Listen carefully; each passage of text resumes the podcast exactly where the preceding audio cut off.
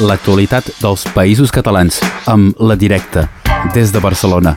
La Directa, diari digital per la transformació social. A Ràdio Arels. L'actualitat dels països catalans, La Directa i el periodista David Bou. Bon dia. Bon dia. Doncs La Directa publica el seu número 547 amb el Pirineu a la portada.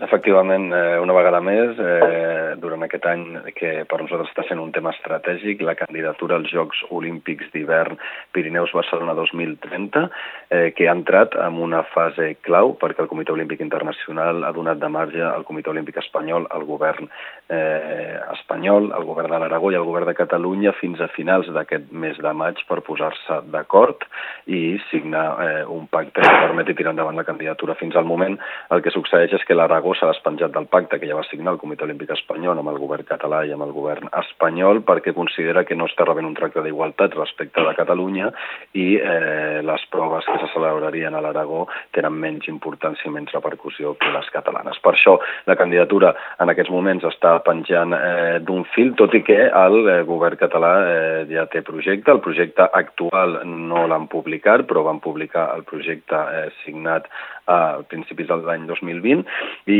aquest projecte, entre altres coses, el que desgranem amb un reportatge que signem el Jesús Rodríguez i jo mateix, on expliquem qui guanya amb els Jocs Olímpics. I és que càrrecs públics de l'Alt Pirineu i Aran, que és la vegueria històrica del Principat de Catalunya, que comprèn sis comarques de les 43 que hi ha actualment al Principat, eh, doncs qui d'aquestes comarques de muntanya eh, té negocis al sector turístic al mateix temps que té responsabilitats polítiques, és a dir, que té presidències de consells comarcals i que té alcaldies d'ajuntaments. Això el que suposa és que hi hagi un joc d'interessos on els mateixos que estan promovent, els mateixos càrrecs públics que estan promovent els Jocs Olímpics aquestes comarques de muntanya siguin alguns dels quals quals es beneficiarien si aquesta candidatura arribés a bon port perquè la majoria dels seus negocis tenen relació amb l'hostaleria, tenen hotels, tenen apartaments turístics, tenen eh, empreses dedicades al turisme de muntanya, etc etc etc. Aleshores, amb aquest reportatge, en la primera part d'aquest reportatge, desgranem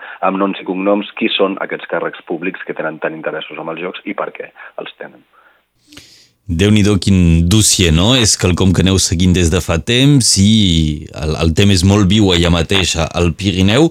Hi ha una mobilització que és prevista. Efectivament, és un tema que està a l'agenda política aquí al sud de l'Albera des de tot l'any i que cada vegada d'una forma més intensa. Recordareu que us vam comentar un dia que el 24 de juliol el govern de la Generalitat ha convocat una consulta a les sis comarques de l'Alt Pirineu i Aran i una altra a les tres comarques que també quedarien d'alguna forma afectades pels jocs, que són el Berguedà, el Solsonès i el Ripollès.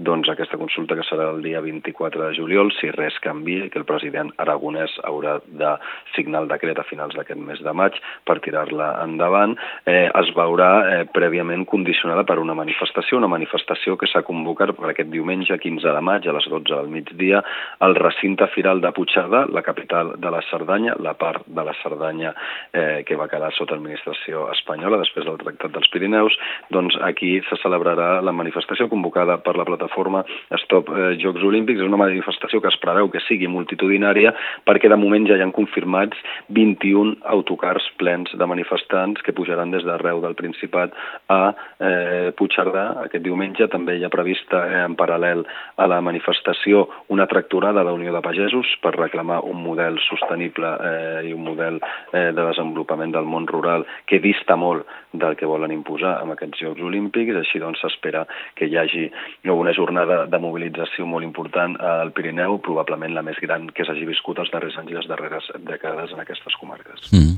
Entre els arguments que, dels qui estan en contra, sobretot eh, també destaquen el fet aquest, eh, que hi hagi una inversió forta per un esdeveniment com aquest, però que la resta del temps, doncs més aviat, és una part oblidada del país.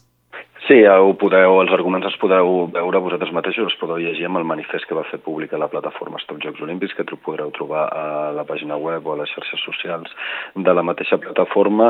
I una de les coses, eh, òbviament, que ells critiquen és, una, és un tema que nosaltres abordem també de la mà del Jesús Rodríguez amb aquest reportatge de Directe 547, de la Directe 547, que és com la factura olímpica, és a dir, el que eh, es preveu que costarien els Jocs Olímpics en cas de celebrar-se l'any 2030, que són 1.391 milions d'euros, que són els costos directes associats a les tres setmanes d'esdeveniment olímpic sense incloure ni infraestructures ni equipaments, doncs aquests 1.391 milions d'euros suposen eh, el, més del total el que la Generalitat ha invertit durant 30 anys a aquestes comarques de muntanya. Per que us feu una idea, el pressupost del 2022 la Generalitat de Catalunya ha invertit 43,4 milions d'euros a la vegueria de l'Alt Pirineu i Aran. D'aquests 43,4 milions d'euros, un 82% estan destinats a infraestructures viàries i estacions d'esquí. La resta, un 18%, està destinat a la sanitat, a l'educació i als serveis socials i equipaments d'aquestes comarques, de la Vall d'Aran, de l'Alta Ribagorça, del Pallars Sobirà, del Pallars Jussà, de l'Alt Urgell i la Cerdanya.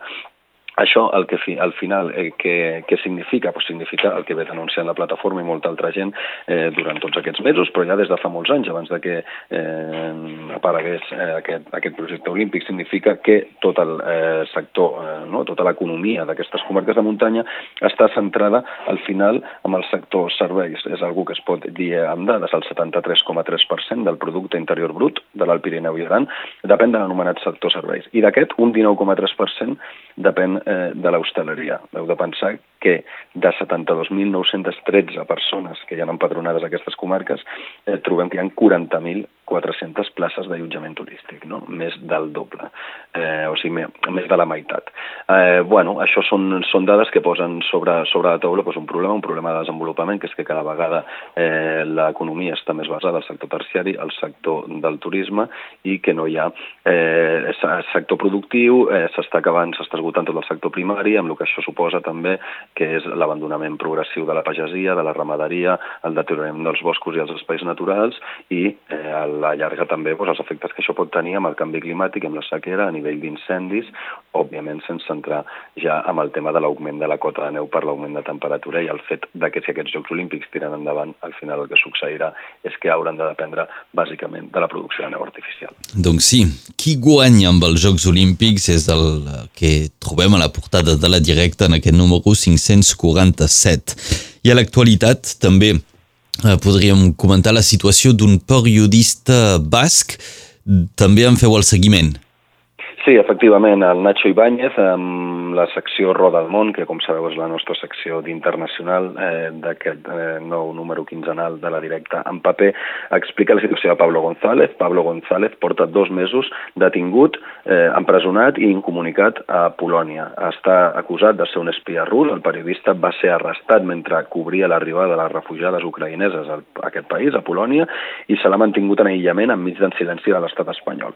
González va néixer a Moscou i el Tribunal Regional polonès l'acusa d'haver usat el seu nom real del seu passaport rus com a àlies per dur terme tasques d'espionatge. Ell ho nega, la seva família també ho nega, però a la pràctica doncs, ja porta dos mesos empresonat, incomunicat amb els seus drets fonamentals eh, vulnerats en un país que reiteradament ha estat criticat per la mateixa Unió Europea eh, per, eh, la seva, no, per la seva praxis i pel seu sistema eh, judicial i eh, aleshores eh, el que demanen des d'aquí és una campanya ja molt forta des de l'estat espanyol i des del País Basc per demanar la seva llibertat en paral·lel a que l'estat espanyol segueix guardiant, guardant silenci i no ha fet cap denúncia pública d'aquest cas. Aquest és un contingut que també podeu seguir a través de la directa, directa.cat per la pàgina web. David Bou, moltes gràcies d'haver estat amb nosaltres un cop més. Moltes gràcies, com sempre, a vosaltres per l'espai. L'actualitat dels països catalans amb La Directa, des de Barcelona. La Directa, diari digital per la transformació social. A Ràdio Arels.